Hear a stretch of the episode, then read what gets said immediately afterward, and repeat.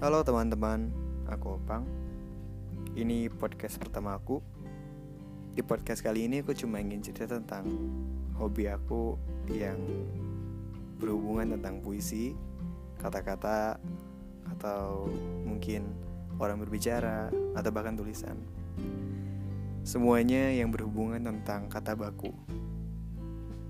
Mungkin di awalnya karena aku pernah ngalamin di titik terendah aku tentang percintaan waktu itu di SMP setelah aku masuk SMA aku masukin di aku masuk di tahun pertama uh, aku selalu kepikiran tentang dia tentang kejadian waktu SMP apa yang aku alami di SMP sampainya ngebuat aku bener-bener ya aku bisa sebut itu tahun-tahun uh, sial lah tahun-tahunnya tahun-tahun krusial di hidup aku waktu itu setelah aku masuk di tahun kedua aku pingin banget uh, dikasih motivasi motivasi motivasi dari teman-teman yang bisa ngebujuk aku buat sembuh kasarnya.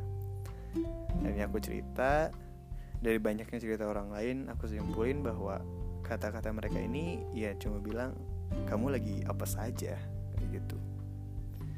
Sampainya satu ketika aku waktu itu pergi ke satu tempat ketika aku pingin pulang aku ngeplay lagu di suatu aplikasi musik waktu itu yaitu musiknya ini ketika udah beres uh, ngeplay lagu acak di aplikasi musik ini. Sampai akhirnya ketika aku lagi di jalan lagu yang aku play udah habis tiba-tiba ngeplay satu lagu yang waktu itu tuh ada puisinya. Di puisinya ini bilang uh, ketahuilah ajakan jalan, nonton, makan, ngopi, itu hanya basa-basi. Telepon berjam-jam cur curhat hingga tengah malam, itu sekedar melepas emosi. Setelah kata-kata itu aku denger tiba-tiba kayak, wah, kayaknya kok enak gitu didengar kayak kayak seperti memotivasi diri gitu dari lagu dari sebuah lagu gitu sampai aku dengerin sampai habis ternyata enak tuh. Itu gabungan antara puisi dengan musik gitu dengan iya dengan musik waktu itu. Setelah nyampe rumah aku buka-buka ternyata ada. Ketika aku denger lagi itu karyanya Wiranagara yang judulnya pesanku waktu itu.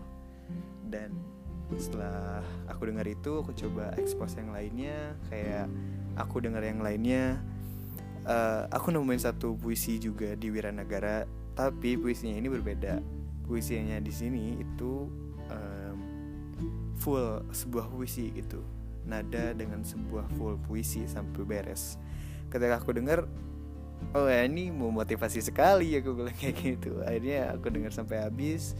Terus coba ekspos yang lainnya lebih dalam lagi tentang hal seperti ini. Sampai akhirnya aku ketemu dengan uh, Fiersa Besari uh, terus Fiersa Besari dengan Wiranagara bikin atau bisa disebut uh, collab yang bikin band atau bukan band satu satu judul bukan judul ya artis suara suara aksara namanya. Di sana banyak segala macam yang ngebuat aku nge-trigger aku buat bikin gitu buat nyoba bikin. Salah satunya waktu itu yang pertama kali aku expose di Instagram adalah um, bertemu itu adalah keadaan hingga sampailah di perasaan. Membuat diri tak lagi dimaknai hanya bisa terlalu dalam mimpi. Itu aku terinspira terinspirasi dengan suara aksara yang berjalan kembali waktu itu. Aku pakai judul itu juga. Sampai akhirnya um, ya aku expose dan teman-teman aku bilang kayak uh, ini kenapa aku kayak gini? gitu dia kan uh, mereka-mereka ini tahu bahwa aku udah ngalamin masa-masa krusial di tahun pertama ini.